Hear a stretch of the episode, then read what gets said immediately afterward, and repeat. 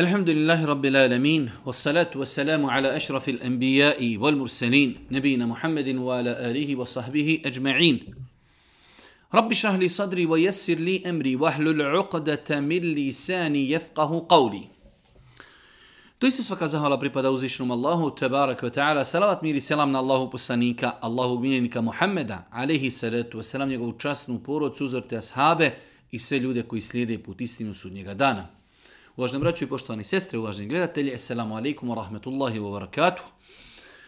Evo nas u još jednoj emisiji u kojoj se družimo sa vašim pitanjima i vašim dilemama. Vaša pitanja koja stižu na naš e-mail. Ovo je naša 95. emisija. Prvo pitanje, da li se poslije uzimanja abdesta uči šehadet ili neka druga dova? u vjerodostom hadijskoj bilježi ima muslim, Allah poslanik ali se letu selam kazao je onaj ko uzme abdest i upotpuni svoj abdest, a nakon toga kaže Ešhedu en la ilaha illa Allah wa anne Muhammeden abdullahi wa rasuluh. Ešhedu en la ilaha illa Allah wa anne Muhammeden abdullahi wa rasuluh. Znači to je ta dova koja se uči poslije abdesta, kaže Allah poslanik ko uzme potpuno abdest, prouči ovu dovu, bit će takvoj osobi otvorena džennetska osmera vrata da uđe i odabire na koja želi da uđe u džennet. Imamo dodatak e, kojeg bilježi imam et na ovu dovu da se još doda Allahume ja'alna min at-tawabin wa ja'alna mutatahhirin U svakom slučaju e, ako bi insan se pridržavao samo učenja ove dovi koja je zabilježena kod imama muslima, inšala uradio bi dobro i dovoljno. Ako doda i dodatak koji je zabilježen kod imama Tirmizije, inšala neće pogriješiti. Znači ono što je propisano, ono što je pohvalno i lijepo, da čovjek kada završi završi abdest da kaže Ešhedu en la ilaha Allah wa anne Muhammeden abdullahi wa rasuluh. To je zabilježeno u hadisu koji bilježi imam muslim rahmetullahi alihi. Svakako, Eh, abdesne dove ne postoje u islamu, niti posebne neke druge dove koje se uči osim ove koje smo spomenuli. Da li će ostavljaš namaza ostati vječno u vatri, a znao je da je to obaveza? Jedno eh, izuzetno teško pitanje, eh, ostavljanje namaza se može, ajde da kažemo, podijeliti u dvije kategorije, da čovjek totalno ostavi namaz, da nikada u životu ništa ne klanja, to je baš kritična osoba, za razliku od osobe koja nekada klanja, nekada ne klanja, svakako bilo kakvo ostavljanje namaza je veliki grijeh. Ovo moramo zapamtiti kao jedna platforma ostavljanje namaza je jedan od naj, najgnusnijih, najvećih grijeha u islamu.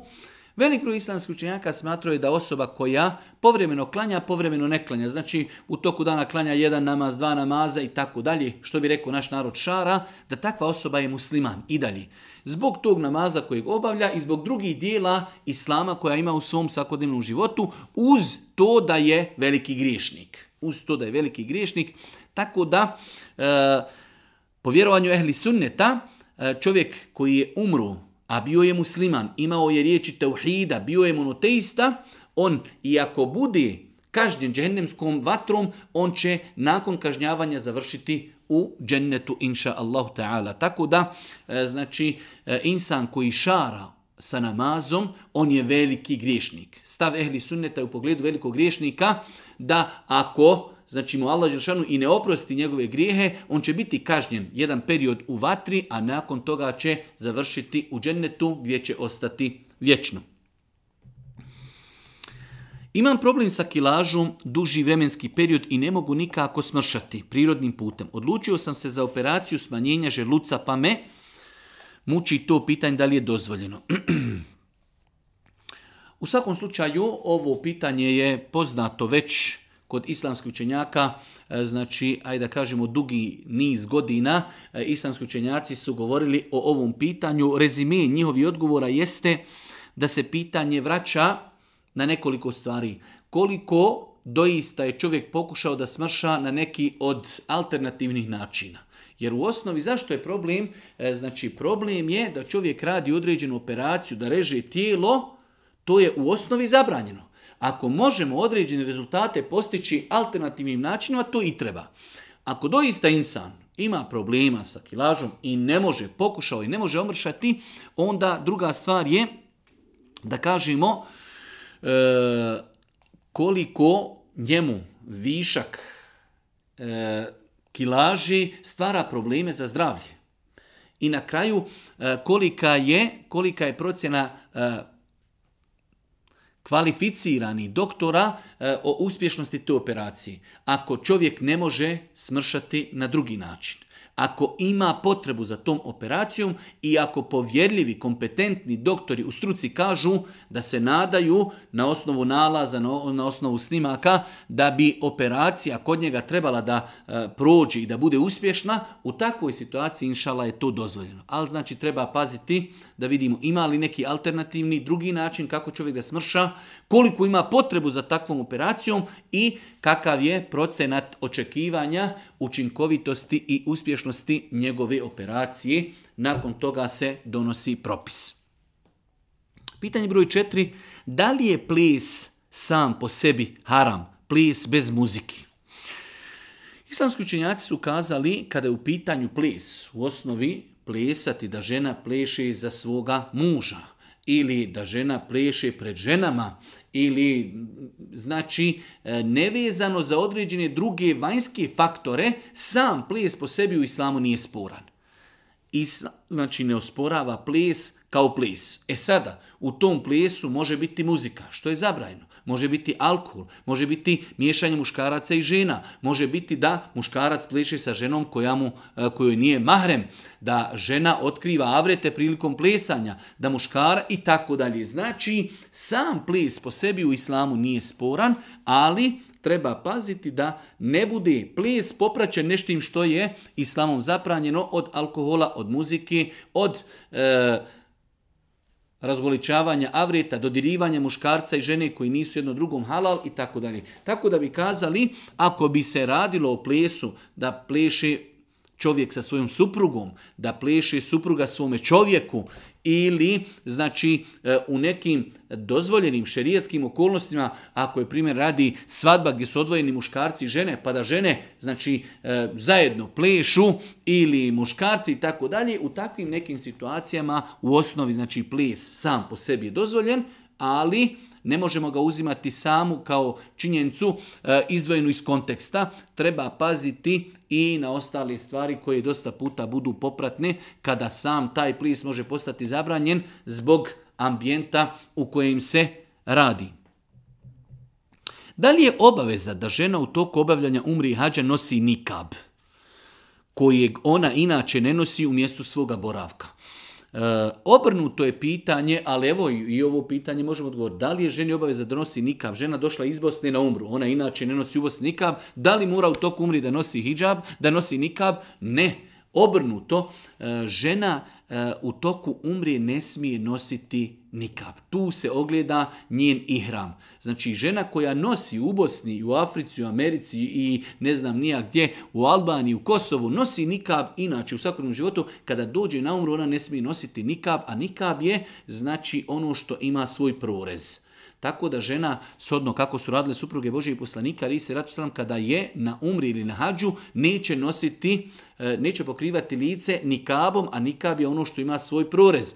Veće lice pokriti dijelom mahrami, jer Božji poslanik nije zabranio se pokrije lice, već je zabranio da se nosi nikab, ono što ima svoj prorez. Tako da žena kada bude u prisustvu muškaraca, a kada obavlja i umru, ona je neprestano u prisustvu muškaraca, ona će jedan dio mahrame prebasti preko lica kako bi zaštitila viđenje lica mahramom od strane ljudi, znači u periodu dok je, u periodu dok je, e, znači u ihramskim zabranama. Tako da, pitanje je da li je ženi obaveza da nosi nikab, znači nije obaveza čak šta više, žena ne smije u toku umrije da nosi nikab, žene koje nose nikabe, eh, u domovinama svojim ili gdje žive, one kada su na umri neće nositi nikab sa prorezom, već će sa gazom ili dijelom mahrame prekriti svoje lice. Tako su radile supruge Božih poslanika, alihi salatu wasalam. Šisto pitanje,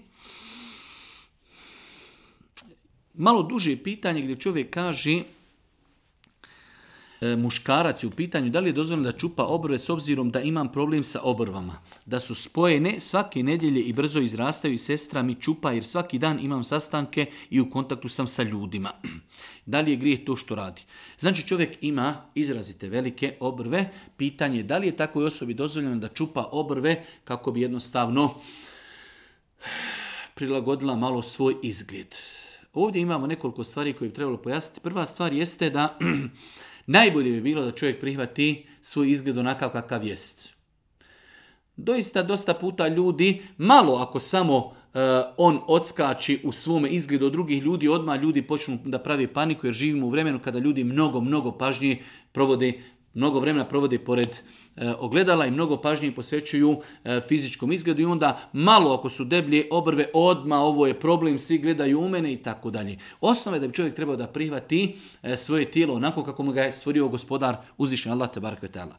S druge strane, ako se doista desi, jer se može desiti da, to se može čak i smatrati jedan vid anomalije, da doista čovjek ima krupne, baš ili žena izuzetno izrazito velike obrve koje doista odskaču od nekih normalnih pojava kod muškaraca ili žena, u takvom slučaju islamski učenjaci su dozvolili da čovjek e, to riješi i da pokuša vratiti u neku normalu, ali opet treba izbjegavati čupanje, jer u islamu je čupanje zabranjeno.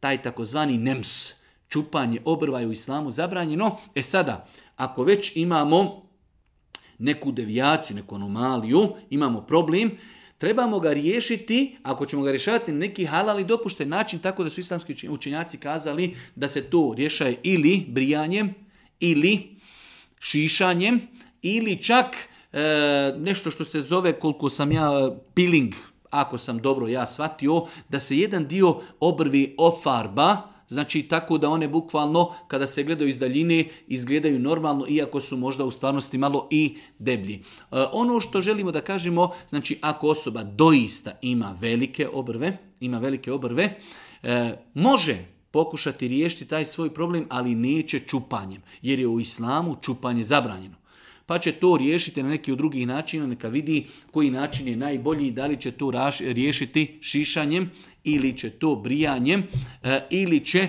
znači jedan dio obrve ofarbati tako da znači e, osoba koja kontaktira sa tom osobom ne primijeti da su kod nje širi obrve. Pitanje broj 7. Da li se može novac od zekijata, od novca od zekijata kupiti hrana, brašno, ulje, testenina i to podijeliti siromasima? Ne, ne može. Znači, zekijat Allah Žešanu kaže u Kur'anu, u suri, e, Tauba innama sadaqatu lil i wal sakin. Doista sadaka, zekijat pripada pripada siromasima i tako dalje, bijedi. E, ovdje su islamski učenjaci kazali na osnovu ove riječi innama sadaqatu li ova ri, ovaj harf li u arapskom jeziku znači e, vlasništvo. E, doista zekija treba da se da u vlasništvo sirotinji i bijedi. Tako da čovjek koji ima svoj zekija tražit će osobe koje e, ispunjavaju uvjete i njima će dati novac. Njima će dati novac. u islamu je bitan nijet. Zašto je onda zabranjeno kršćanima čestitati e, Božić ako to činimo samo zbog dobrih međuljudskih odnosa? U islamu je bitan nijet. Nije tačno. Nije tačno. Ova konstatacija nije tačna. E, ako bi rekli da u islamu samo bitan nijet, onda bi rekli možemo idemo pod nijetom da udijelimo sadako, ajmo ukrasti od komšije. Nijet nam je dobar, želimo da pomognemo bijedu, idemo ukrasti, jer nijet nam je dobar. E, nažalost, živimo u vremenu kada su muslimani oslabljeni, kada nemaju šerijetskog znanja, e, kada e, ne paze na granice islama u pogledu opođenja prema nemuslimanima. Mi pozivamo da se muslimani i kako tolerantno i lijepo obode prema nevjernicima. Ali i to opođenje ima granice. Ne možemo mi ako nam e, kršćanin donese svinjetinu da kažemo pa znaš šta je zbog lijepih odnosa mi ćemo jesti svinjetinu. Ne možemo, ima, naša vjera nam je postavila granice ophođenja prema nevjernicima. Prema nevjernicima treba da budemo nasmijani, veseli, da im činimo zulum, da od njih ne krademo, da ih pozdravimo na e, način e, koji nije šporan šerijatom, dobar dan, kako ste, jeste se umorili, ali ne možemo im čestitati ono što je najveći grijeh u našoj vjeri. Božić znači mali Bog. Kada se, to je termin, datum kada se rodio mali bog. Za nas je to islamu najveći grije, širk, kufr, nevjerstvo. Ne možemo mi čestitati nekome nevjerstvo. Mi smo na taj način izrazili svoju saglasnost sa tim nevjerstvom. Tako da, neispravna konstatacija, totalno, u islamu je bita nijet. U islamu je bitan nijet i da dijelo bude ispravno. Drugačije ne može. U islamu je bitan nijet i da dijelo bude ispravno. Zašto su novotarije? Ne prihvataju. Ko uradi u ovoj našoj vjeri ono što nije od nje, bit će mu odbijeno. Čovjek koji radi novotariju, on ima iskren nijet, ali mu neće to biti prihvateno. Poslanik kaže, fehua red, bit će mu to odbijeno. Tako da, e, kad su pitanje čestitanja e, nevjerničkih praznika, Islam strogo zabranjuje čestitanje nevjerničkih praznika. E, to nikako ne znači da s nevjernicima ne trebamo biti i, i tolerantni i da ih respektujemo i da ih uvažavamo i da budemo nasmijani, ali u granicama onoga što je Islam dozvolio.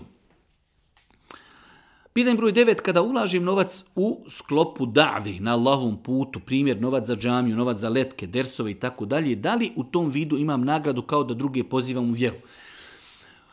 Ovdje je spomenuto više stvari, ali insan koji nema mogućnost, nije kompetentan da poziva ljude, ako podrži neke projekte, koji su usmjereni ka pozivanju ljudi svakako da on ima udio u svemu tome. Ako bi čovjek oštampao knjigu koja će se podijeliti, ako bi čovjek oštampao leta koji će se podijeliti, ako bi čovjek e, bio razlogom da se organizuje tribina, pa na tu tribinu dođu ljudi, pa se snimi predavanje, pa se to predavanje proširi, ako bi čovjek znači na bilo koji način, ako mi materijalno podržimo projekte koji imaju prijelazni karakter i koji e, su usmjereni, ka usmjereni su ka podučavanju ljudi, mi imamo, ako Bog da, udio u svemu tome. Pitanje broj 10. Naime, moj muž ima psa kao kućnog ljubimca, što po islamu nije dozvoljeno. Ja ne mogu ništa da učinim da uklonim psa iz kuće. Ukoliko ste u mogućnost da mi date savjet šta da radim u ovoj situaciji, mnogo bi mi pomoglo jer želim da obavljam namaz na ispravan način. U svakom slučaju, jedna ajde da kažemo, svakidašnja situacija gdje imamo situaciju da žena svati propis, ali muž, on je glava porodice, ne želi da prihvati e, propis kojeg je shvatila njegova supruga. Pa čovjek u kući ima psa, a žena zna da je to zabranjeno. Šta žena može da uradi? Može da ga savjetuje, da mu kaže na lijep način Allah te nagradio, ja te volim, ja te poštujem, ali postoje jasni vjerodostojni hadisi gdje se kaže ko bude imao psa, koji nije od vrste pasa koji je Islam dozvolio, svaki dan mu umanjuje od njegovih dobrih dijela qirat.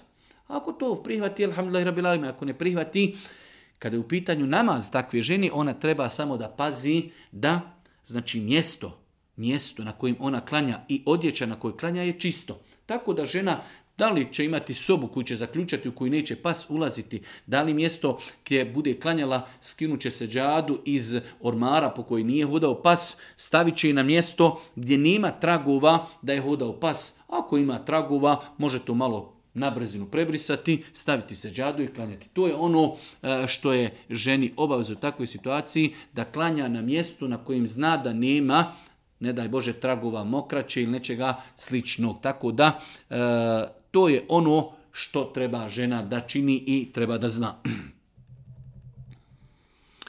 Poštovani, želio bih da vas pitam da li je otvaranje vrata ženama prilikom ulaska u restoran, da li je to haram jer nima predaj da je poslanik to radio, a moglo bi se smatrati kao oponašanje nevjernika ili je pak halal jer je to lijepo opođenje prema supruzi i majici i tako dalje. E, znači, da li je dozvoljeno islamu da čovjek vjernik prilikom ulaska u slastičarnu ili u neku instituciju ili u auto, da svojoj majci, svojoj sestri, svojoj supruzi otvori vrata? E, neispravno ovo pitanje vezivati za vjeru. Zato što u islamu kažemo da se e, naši postupci dijele u dvije kategorije, ibadeti i običaji u ibadetima ne smijemo ništa raditi osim da imamo za to dokaz. U običajima ne smijemo ništa raditi što je zabranjeno. Osnova je da su običaji dopušteni. Tako da u današnje vrijeme jedan od načina e, izražavanja e, respekta prema ženi, prema majici, prema supruzi, prema sestri, jeste i da čovjek otvori vrata prilikom ulaska u restoran, prilikom ulaska u džamiju, prilikom ulaska u prodavnicu, prilikom ulaska u auto, tako da ne vidim u tome ništa sporno, čak što više vidim da je to izuzetno lijepa gesta i lijep pokazatelj da čovjek pazi na svoju majku, otvorio je vrata, pazi na svoju sestru, otvorio je vrata, pazi na svoju čerku, otvorio je vrata, pazi na svoju suprugu, otvorio je vrata i obrnuto, može i supruga otvoriti vrata svome čovjeku iz respekta, može i čerka otvoriti svome ocu vrata iz respekta i svojoj majci, može i sin otvoriti, svoja, e, otvoriti vrata svome ocu i svojoj nani. Mislim da e, današnje vrijeme e, jedan od načina iskazivanja respekta i poštovanja jeste i da čovjek nekome otvori vrata.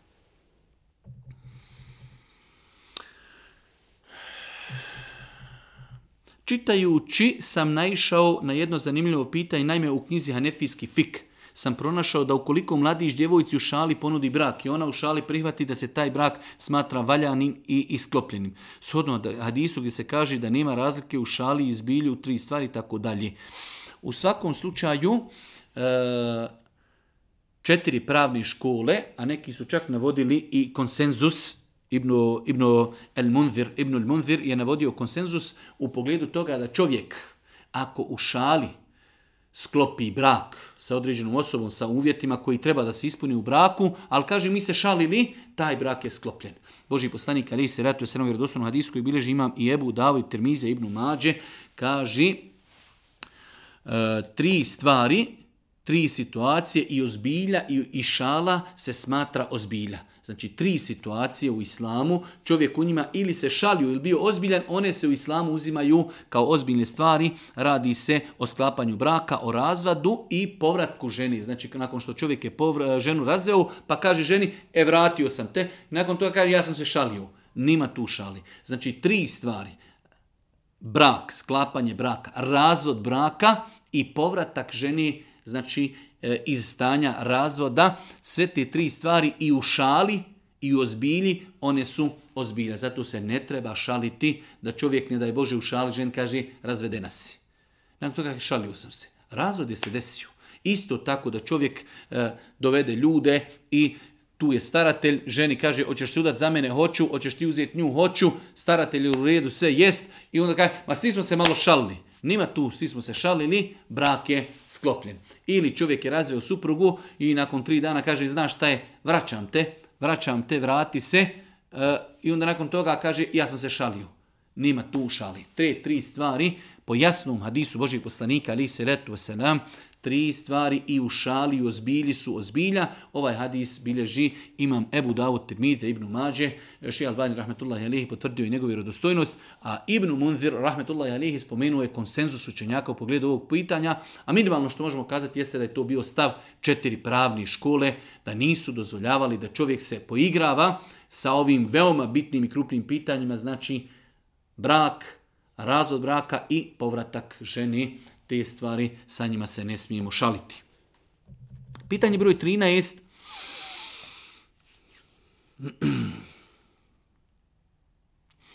Malo duže pitanje, a pitanje je da li čovjek može potirati po čarapama a ako je e, obukao dvoje čarape. Kada su u pitanju e, ova situacija oblačenje dvojih čarapa, imamo nekoliko primjera i situacija ako bi čovjek abdestio, oprao noge i obukao odma dvoje ili troje čarape, on nakon toga kada bude potirao, uzmeo abdest, može potirati. Znači imamo prvu situaciju da je čovjek abdestio i e, na mokre noge, abdestne noge obukao jedne, dvoje, troje, koliko hoće čarapa, kada nakon toga bude abdestio i dođe do pranja nogu, on može potirati po čarapama. Ovo je prva situacija. Druga situacija je da čarape obuče naknadno, ali je još pod abdestom. Znači čovjek je abdestio i obukao čarape. I još taj njegov abdest traje. Traje abdest, traje abdest 3 sata, 4 sata, 5 sata, i njemu naupadne, aha, hladno mi je, obuče još jedne čarape. Nakon toga izgubi abdest. I ode abdestiti, može potirati po tim čarapama. Zašto? Zato što je te druge čarape obukao, a još je bio pod abdestom. Imamo treću situaciju da čovjek obukao jedne čarape dok je bio pod abdestom i nakon toga izgubi abdest. Obuče druge čarape, e po tim čarapama ne može obući, ne može potirati. Zašto? Zato što je njih obukao u periodu kada nije bio pod abdestom. Kada bude i on te gornje čarape mora skinuti, potrati po onim donjim, one donje koje je obukao na abdestne noge, nakon toga ponovo vrati svoje čarape. Znači, situacija broj tri. Čovjek je abdest i obukao čarape. Izgubio abdest, gotovo nema abdesta, i obuče druge čarape, u toj situaciji kada naknadno bude abdestio, on mora skinuti te gornje čarape. Ima četvrta situacija, čovjek je abdestio, obukao čarape, izgubio abdest. U redu, izgubio abdest, abdestio, potruje po tim čarapama, ako obuče druge čarape, naknadno kada bude ponovo abdestio, on može po tim gornjim abde, potirati. Zašto? Zato što je i njih obukao u periodu kada je bio pod abdestom, iako je taj abdest drugi abdest. Tako da, e, znači, e, najjednostavnija situacija ako čovjek abdesti, obuče jedne, dvoje, troje čarape, on po svim tim čarapama može potirati. Radim u Sloveniji gdje ima muslimana i nemuslimana, pa kako da se obhodim kada neko nazove dobar dan ili dobro jutro, kako da ih pozdravim? U svakom slučaju ono što je došlo, zabrana jeste da je Boži poslanik zabranio da čovjek musliman prvi nazove selam nevjernicima. To je ono što je zabranjeno. Da čovjek zna da je njegov radni kolega, nemuslim kaže eselamu aliku. To je zabranjeno. Boži poslanik je zabranio da čovjek prvi nazove nemuslimanu selam. Ali, to ne isključuje da mi budemo kulturni i lijepi prema njima, da im nazovemo nešto mimo selama pa da im kažemo ne znam šta je ono što nema nikakvi šerijetski pre e, da čovjek kaže dolazi na posao i kaže dobro jutro, dobro jutro i vama, dobar dan, dobar dan i vama i tako dalje. Čak šta više i da čovjek prilikom susreta ako je to vid iskazivanja respekta, poštovanja, kulture, čovjek sjedi sada ti dolaziš, ti si onaj koji treba da pozdravi, da kažeš dobro jutro, kako ste, dobar dan i tako dalje. Ako Bog da, ništa to nije sporno. Ono što je zabranjeno, zabranjeno je da čovjek, znajući da je neko nemusliman, da mu nazove selam. Ali ako zna da je njegov radni kolega nemusliman, ima pravo i da mu nazove neki e, pozdrav mimo selama koji nije sporan šerijetski, da kaže dobar dan, dobro jutro i nešto slično mi, ili ako mu već neko to nazove, da on na takav način odgovori. Znači ovo govorimo o e, pozdravima koji nisu vjerski pozdravi. 15. pitanje. Imam problema sa petama, jer lahko pucaju u kontaktu sa vodom, pa tako sam sebi olakšala kad uzimam abdest, tako što prije isteka namaza pola sata i tako dalje nekad potirim po čarapama iako sam kući.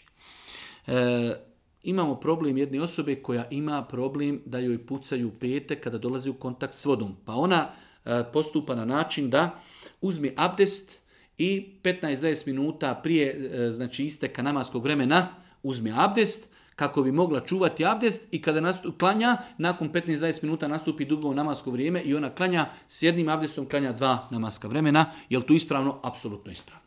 Ali u ovakvim situacijama ne vidim zašto osoba, jer je u islamu dozvoljeno da osoba koja boravi kod kući, bilo ljeto, bila zima, bez ikakve potrebe ima pravo da potiri e, dan i noć po čarapama. Tako da e, osoba koja ima problema sa e, znači, ovakvim slučajima da im pucaju pete i zajutra će ustati, abdestiti, ako oprati cijelo tijelo, znači oprati noge prilikom abdesta i obući čarape. I cijeli dan podne, kindiju, akšam, jaciju, čovjek može cijeli dan da potiri. Kad krene spavati, može lagano lijepo skinuti čarape, da se noge malo e, i izrače i da se malo oseži. Sutra opet na saba, abdestimo, operimo noge, obučemo čarape i cijeli dan u toku dana mi boravimo kod kuće. Boži poslanik Ali se radstavno vjerodostojnim hadisima dozvolio da osoba koja je kući, nije mu safir, bez ikakvih uvjeta, bilo zima, bilo ljeto, ima pravo čovjek kod kuće da potiri dan i noć. A kada je mu safir, tri dana i tri noći. Tako da, e, pogotovo ako već zatim ima neku potrebu. Uvijek spominjete ađvu, hurme, da štite od otrova i sihra. E, to jest da pravi štit ako se pojedi neparan broj te hurme e, i tako. Kaže, te hurme su skupe, da li se i ostale hurme imaju tu sposobnost i tako dalje. U vjerodostojnom hadisu stoji da je Allah poslanik hadis kojeg bilježi i Buharija i Muslim, da je Boži poslanik kazao onaj ko osvani i friško na česrce pojedi sedam datula, ađvi, vrsti ađvi, bit će mu zaštita tog dana od otrova i od sihra. Hadis bilježi ima Buharija i muslim. Znači, Boži poslanik, ali se sam mi kazao, onaj ko osvani i na česrce pojedi sedam datula ađvi. Broj sedam je ciljan. Sedam datula ađvi, taj dan će mu to biti štit od otrova i štit od sihra. su učenjaci e, u pogledu toga da li se ovo eksplicitno odnosi na, na ađvu, poznatu medinsku crnu hurmu ili se to e, je samo Boži poslanik naveo kao primjer. Imaju učenjaci dva različita stava. U svakom slučaju velik broj učenjaka savremenog doba poput šeha Saadija. Šeh Saadi, Abdurrahman ibn Saadi je bio šeh od Bin Baza i šeha na jedan veliki alim, e, autor čuvenog tefsira.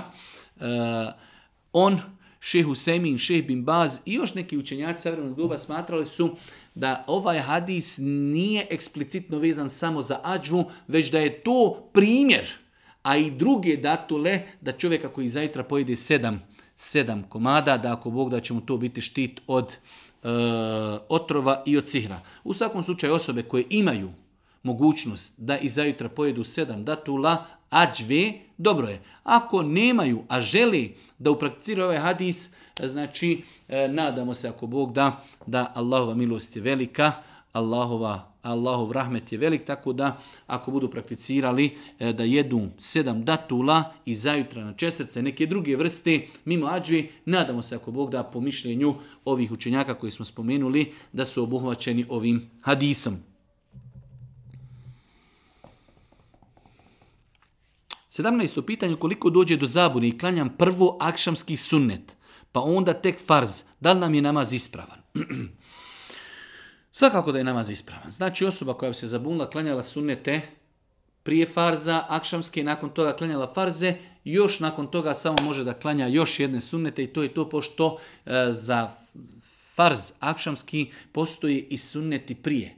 Ti sunneti se manji kod nas praktikuju, ali znači e, postoji vjerodostojni hadis da je poslanik ali se leto se preporučio da se klanjaju e, sunneti i prije akšamskog farza. Tako da nema smetnje da osoba klanja dva rekiata prije akšama, pa klanja akšam tri rekjata i nakon toga klanja dva rekjata potvrđenih sunneta. Sve je to ispravno i da čovjek klanja samo ova dva rekjata prije ispravno i da klanja samo farze ispravno i da klanja i ispred i iza ispravno i da klanja samo oni koji su poslije farza. Sve je to, alhamdulillahi rabbil ispravno.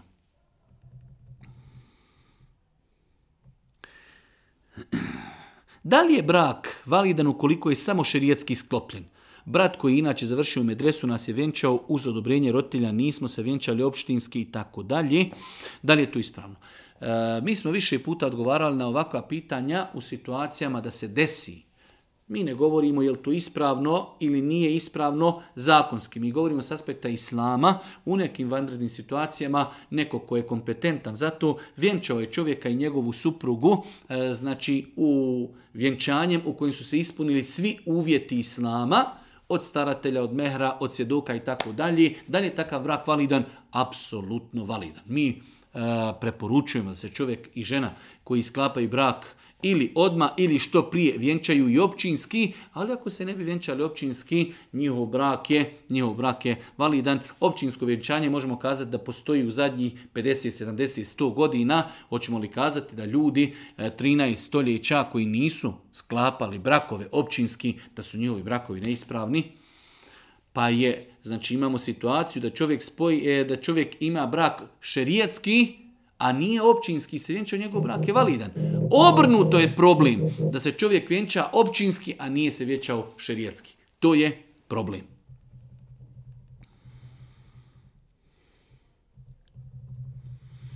Jedno malo duže pitanje, a odnosi se na učenje ajeta u kojima ima sežda u namazu kada, e, kada se klanja u džematu. Velik broj učenjaka općenito je smatrao da ako se klanja u džematu, da i nije plaho pohvalno da se uče sure u kojima imaju sežde kako ljudi, pogotovo ako su u pitanju podne i kako ljudi ne bi došlo do pometanja. Ali u svakom slučaju, ako imam uči ajete u kojima ima sežda, e, kako će postupiti? Imamo nekoliko situacija. Imamo situaciju e, i velik broj učenjaka je smatrao da u osnovi ta sežda tilavet, Zove se sežda tilavet, sežda koja se uči povodom toga što smo došli do određenog ajeta nakon kojeg treba učiniti seždu. Da li je obaveza da činimo tu seždu ili ne, već velik broj islamskoj čenjaka smatraju da u osnovi ta sežda nije obavezna. Što znači? Čovjek može se desiti da je proučio ajet u kojem ima sežda i otišao na ruku bez ikakve proceduri. To je jedna situacija. Imamo drugu situaciju da nastavi učiti, nije učinio seždu, ali nastavi još da uči, pa će nakon toga otići na ruku. Imamo situaciju da čovjek ode na seždu, vrati se i onda samo još kaže Allahu Ekber i ide na ruku. I to je ispravno.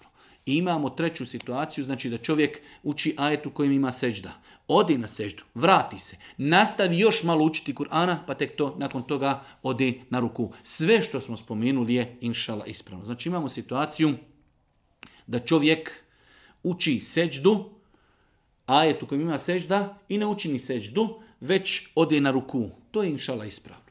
Ima situacija da on uči ajet u kojem ima sežda, ne uči ni seždu i nastavi još učiti Kur'ana pa ide na ruku. To su dvije opcije kada nije išao na seždu. Samo je bio na ruku.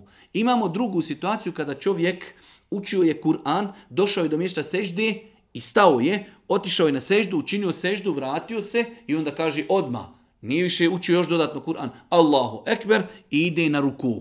Nakon rukua se vrata, vraća, ide na seždu. To je jedna situacija.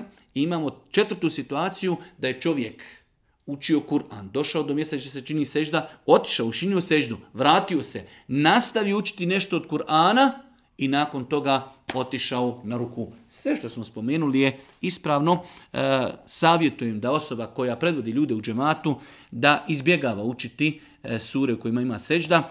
Eventualno ko zna da će na određenom rekiatu učiti neku seždu, e, učiti suru u kojem ima sežda, onda da ljudima u džematu kaži na tom rekiatu učit ćemo ako Bog da ajetu kojima ima sežda, pa da se ne bi samo zbunili, pogotovo ako imamo ženski dio, kada ne vidje možda i mama i tako dalje. zato ja preporučujem da kada je u pitanju e, džemat, učenje u namazima, znači bilo naglas ili u sebi, da je bolje da se uči ajeti u kojima imaju sežde.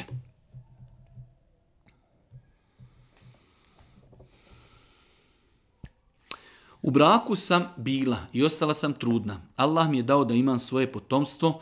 Suprug se razveo od mene iako je znao i nije sačekao porod. Dijete će tako biti bračno. Da li je moj to grije i kako da to ispravim? E, neispravna konstatacija da žena koja je stupila u brak, validan širijetski brak i zatrudna. U toku trudnoće čovjek razvede, Žena kaže, eh, čovjek nije dočekao da se ono rodi, razveo je, to dijete će biti vanbračno. Apsolutno netačna konstatacija. To dijete je od čovjeka za kojeg se žena udala i na njemu će se čitav život voditi. Haso sin toga, Mujo sin toga i tako dalje. Tako da e, nije tačna konstatacija ako su se čovjek i žena razveli u toku perioda dok je ona još trudna, da dijete koji se rodi će biti vanbračno. Ne, ono je začeto u periodu kada je ona bila u braku i zna se koji je njegov otac. Zato je Islam dozvolio Dozvolio je da čovjek, ne kažemo da je pohvalno, ali dozvoljeno je da čovjek razvede suprugu eh, u stanju eh, dok je trudna, jer se zna, ona je trudna i zna se čije je dijete. Zato, znači, e Islam tu stvar dozvolio, a to dijete se pripisuje i vodi se na papirima eh, ne znam, Ahmed sin tog i tog i prezime nosi svoga oca. Znači prezime nosi od svoga oca i pripisuje se tom svome ocu, bez obzira što se čovjek i žena razveli. Eselamu alaikum, vodim debatu sa jednom osobom vezano za temu braka i udaje on tvrdi da je dozvoljeno dogovoriti se sa nekim da, bude, da budu u braku jedno određeno vrijeme. Primjer, radi šest mjeseci. S tim da muškarac na kraju tog vremena ženi da otpremninu i razvede je. Da li je to tačno i ispravno? Apsolutno netačno i neispravno. To je vrsta braka koja je bila u islamu jedno vrijeme dozvoljena, dokinuta je, znači ta dozvola i postoje jasni argumenti da je do sudnjeg dana dokinuta. Tako da zabrana ovog braka, koji god brak ima vremensku klauzulu određenja, određenje, on je islamu zabranj. Osnova je da ljudi kada stupaju u brak, hoće i žele da žive do smrti. Možda će se razvesti za 15 dana, možda za 3 godine, možda neće nikadi, nikada. Ali da kažu živimo mjesec, dva ili tri, to je znači strogo, strogo zabranjeno, strogo zabranjeno u islamu. Takva vrsta braka se danas praktikuje u Iranu, prakticiraju je šije koja je dokinuta vjerodostojnim argumentima, tako da e, takva vrsta braka se smatra bludom takva vrsta braka se smatra bludom. Bilo koji brak koji ima vremensku klauzulu ograničenja, živjet ćemo tri mjeseca, dan, godinu, dvije, nakon toga se razvodimo, Takav brak u islamu je strogo zabranjen. Nekada u početku islama je bio dozvoljen i nakon toga je zabranjen do sudnjega dana. Pitanje broj 22. E, žena kaže, bila sam davno pokrivena kad sam imala 20 godina, nakon toga e, došao je period da je se otkrila, nakon toga ponovo se pokrila, pita da li će uzvišnji Allah te barka privat njeno pokajanje, što je bila jedan dio života pokrivena, pa se otkrila, pa se ponovo pokrila, uzvišnji Allah te barka prima pokajanje murteda, prima pokajanje nevjernika. Znači, murted čovjek bio musliman pa otpod vjeri otpa, učinio otpadništvo i poslije kaže želim da se vratim, prima se pokajanje takve osobe, tako da e, znači prima se pokajanje od osobe nemuslimana koja je bila 30-40 godina, da se ne prima pokajanje žene vjernice, bila muslimanka, nije nosila hijab, pa stavila hijab, pa jednostavno u okolnostima u kojima se nalazila, e, skinula je mahramu, nakon toga ponovo pokrila mahramu, da li će Allah Žešanu uprostiti taj grijeh što je skinula mahramu, ako se istinski pokaje, e, ne postoji grijeh kojeg neće uprostiti uzvišeni Allah subhanahu wa ta'ala. Pitanje broj 23, selam, tek sam vas počeo da pratim, samo me zanima da li možete da gledate sudbinu. Ciljano sam objavio ovo pitanje, čisto da znate kakvi sve pitanja dolazi. E, pitaju nas ljudi da li možemo gledati sudbinu, mi kažemo ne možemo gledati sudbinu i ne može je, ne može je gledati niko drugi. Ako se misli možete li gledati sudbinu da znate šta će biti u budućnosti ili da znate e, šta se dešavalo u prošlosti, sve je to u islamu nemoguće i zabranjeno, tako da e, svaki vid proricanja budućnosti je strogo zabranjen i svaki vid proricanja budućnosti je laž. Zato e, Allah vam dao svako dobro, nemojte nasjedati Nemojte nasjedati na profile, na stranice, na osobe koje tvrde da znaju budućnost, da vam pogledaju, ne znam, nija grah, dlan, sliku, ovo ili ono, na osnovu imena majke, sestri i tako dalje. Sve je to strogo haram zabrajno i s druge strane, sve je to laž, sve je to prevara, nemojte sebi dozvoliti da neko od vas pravi budalu i da vam pod novim znacima gata i da vam predviđa sudbinu. Pitanje broj 24. Zanima me jedna informacija. Dobio sam čerku prije toliko dana, u kući mi je, u kući mi svi govori da stavim neki konac kao zaštitu djetetu. Ja sam protivnik toga jer sam ubiđen da je to sujeviri i tako dalje. Pogledajte dokle je došao Dunjaluk.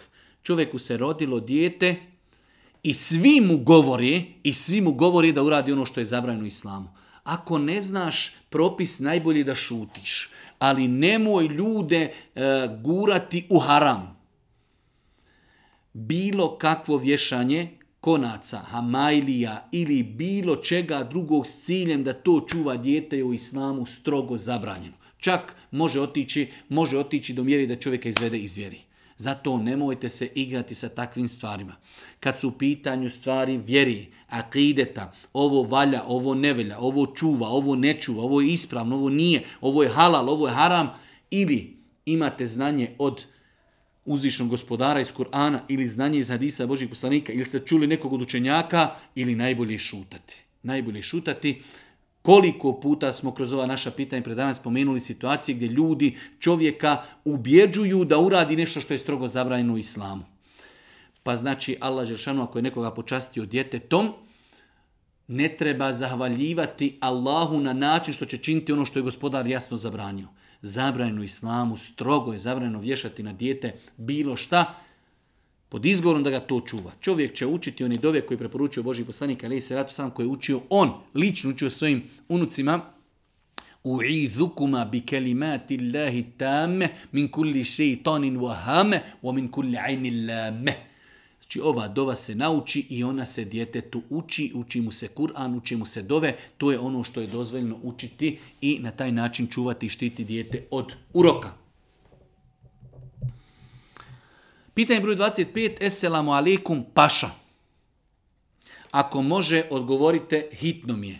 Pročitao sam na netu da unesu. Postoji emulgator E471 koji sadrži svinskih masti, a ja pijem nes, pa me zanima da li je to istina.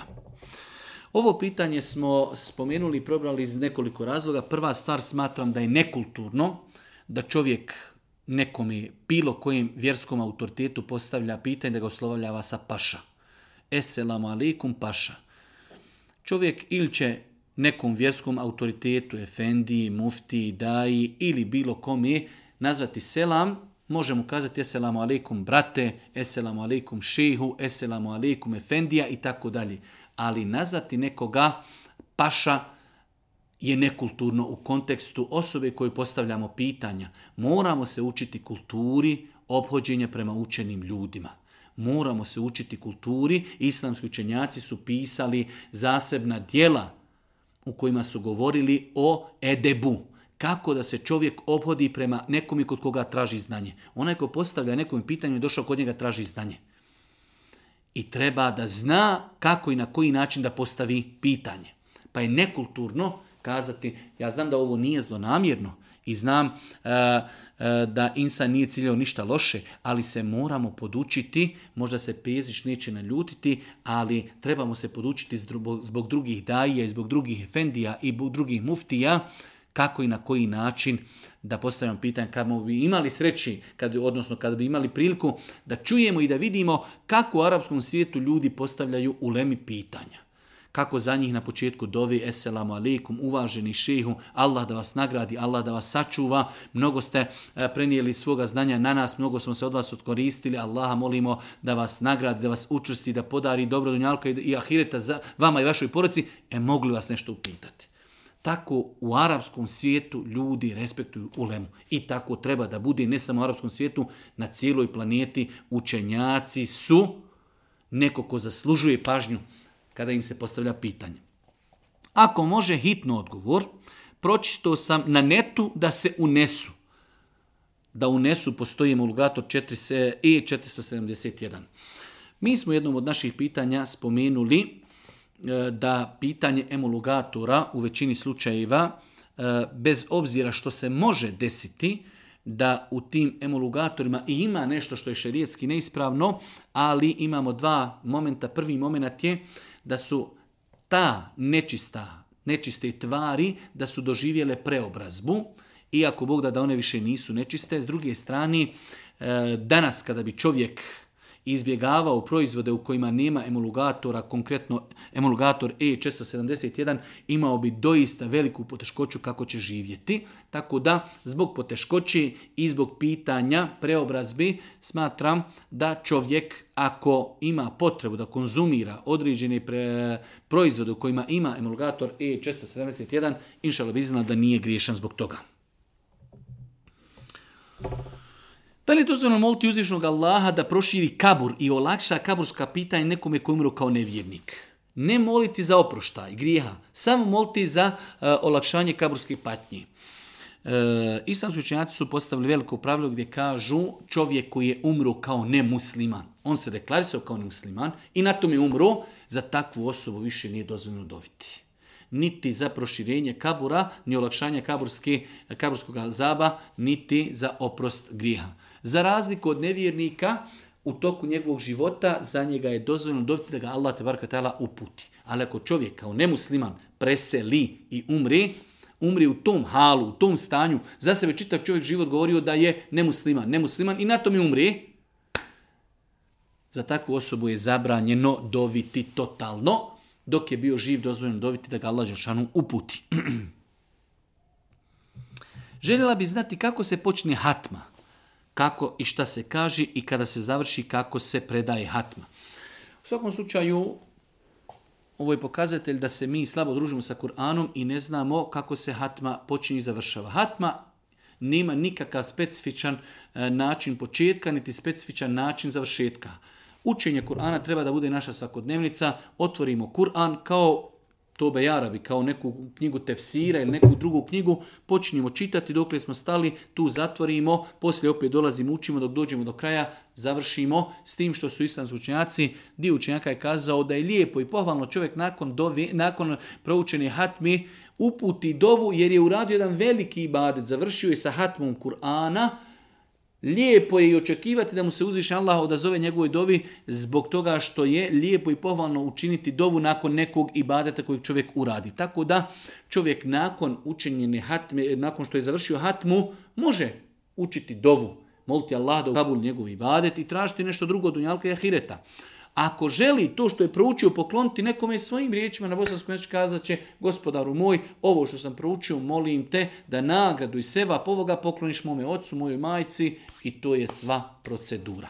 Znači nema nikakva posebna procedura, početak učenja Kur'ana treba biti svakodnevni, uzimamo Kur'an, čitamo ga, učimo ga bez ikakve procedure, im je šetan rađim, bismillahirrahmanirrahim i učimo.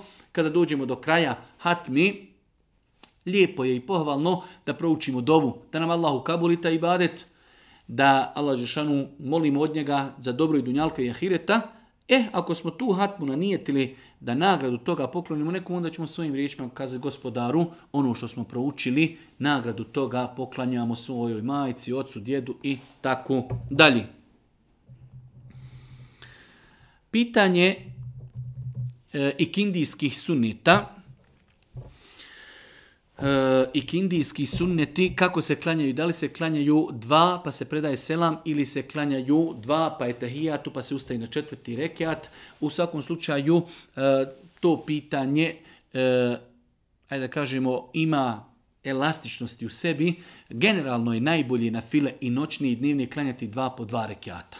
Znači kada god hoćete klanjati na filu, najbolje je dva rekiata, pa predamo selam, pa klanjamo još, ako klanjamo više od dva rekiata. Tako da e, zapamtimo veliko pravilo, najljepše je dnevne na file i noćni na file klanjati dva pa selam, dva pa selam, pa koliko hoćemo. Ali, evo konkretno kad su u pitanju i kindijski sunneti, klanjamo četiri rekiata prije farza, može se klanjati dva pa predati selam, pa opet ustati klanjati dva, a možemo i klanjati dva pa učiti samo etehijatu i ustati opet klanjati treći četvrti, nakon toga predat selam. Sve je to, inša ispravno i dozvoljeno s tim što je bolji, ljepši, pohvalnije da čovjek klanja dva rekiata, preda selam, pa još dva rekiata, pa preda selam. I e, pitanje, 29. pitanje, jacijski sunneti. Da li se klanja znači četiri rekiata prije farza, pa dva poslije farza ili dva prije farza i dva poslije farza? U pogledu toga, znači, e, jacijski sunneta ne postoji dokaz koji potvrđuje da se prije farza klanju četiri rekiata. Primjer radi, evo malo prije smo govorili o Kindi ima hadis za Boži poslanik preporučio da se prije kindi klanju četiri rekiata. Ne postoji takav hadis za jaciju. Za jaciju možemo klanjati dva rekiata ako smo ušli u džamiju Tehijetul Mesjid, možemo klanjati e, dva rekiata poslije abdesta, možemo klanjati dva rekiata između ezana i kameta ali ne postoji hadis u kojem se kaže ko klanja četiri kata prije, a ima neku nagradu. Takav hadis ne postoji. Tako da prije jacije možemo klanjati dva rekata, a može se klanjati četiri rekata, to uopšte nije sporno. Mi govorimo da li postoji argument koji posebno naglašava se klanju četiri rekata. Tako da, eh, po mom nekom skromnom mišljenju, neispravno je smatrati da se samo prije jacije klanju četiri rekata. Ne, Nekad ćemo klanjati dva, nekada četiri, nećemo klanjati ništa, došli smo u džamiju, stavimo u saf i klanjamo odmah farze i tako dalje. Što se tiče e, na file poslije farza, propisano se klanjaju dva rekeata poslije farza, e, to je onih 12 rekiata potvrđenih sunnjeta za koji postoji posebne nagrade u hadisme Božih poslanika, alihi se nam. I posljednje pitanje, pitanje kaže, otac mi je počinio samoubistvo, nije bio musliman šta ja kao čirka mogu napraviti za svoga oca da mu se e, milostivi Allah smiluje. Ovdje je riječ nije bio musliman. Je poprilično, ajde da kažemo, nejasna. Ako se misli nije bio musliman, doista čovjek umro, E, deklarisu se kao nemusliman, deklarisu se kao e, židov, e, kršćanin, ne znam, nija, budista i tako dalje. Ako je čovjek počinio samoubistvo i tako se deklarisu u životu, za takvog čovjeka se više ne može ništa učiniti. Znači, po konsenzusu islamskog činjaka, čovjek koji umro kao nemusliman, zatvorena mogućnosti vrata oprosta takvoj osobi. E, za života je dozvoljeno za ne muslimana dobiti da mu uzvišen Allah subhanahu wa otvori srce da ga uputi na put istine. E sada, ako se ovdje kaže otac mi je počinio sam ubistvo i nije bio musliman, ako se doista misli da je tu osoba koja se za života deklarisala i umrla na tome kao nemusliman, pripisivala se nekoj drugoj vjeri, sa smrću vi više nemamo mogućnost da mu bilo šta pod znacima za njega učinimo. Ako se misli nije bio musliman, da nije bio praktičar, da možda nije redovno klanjao, da nije davao zekija, da nije postio, ali deklarisuo se kao musliman, išao nekad na Bajram, nekad klanjao džumu, neka klanjao teraviju, nazivao selam, davao sadaku, klao kurban. Ako se misli po tim pojmom to, da je čovjek u osnovi bio musliman, deklarisu se kao to, ali eto, nije bio praktičar eh, u pravom smislu riječi, e za takvu osobu onda nakon smrti je dozvoljno činiti dobra djela, trajna sadaka, da li će to biti eh, česma, da li će to biti knjiga, da li će to biti musav, da li će biti za džamiju, bilo šta da se da, u njegovo ime, inšala, je ispravno. Allah subhanahu wa ta'ala molimo da nam podari korisno znanje, molimo ga subhanahu wa ta'ala da nam bude milosti na sudnjem danu i na kraju subhaneke Allahumma wa bihamdike, ešhedu in la ilaha illa ente Oh,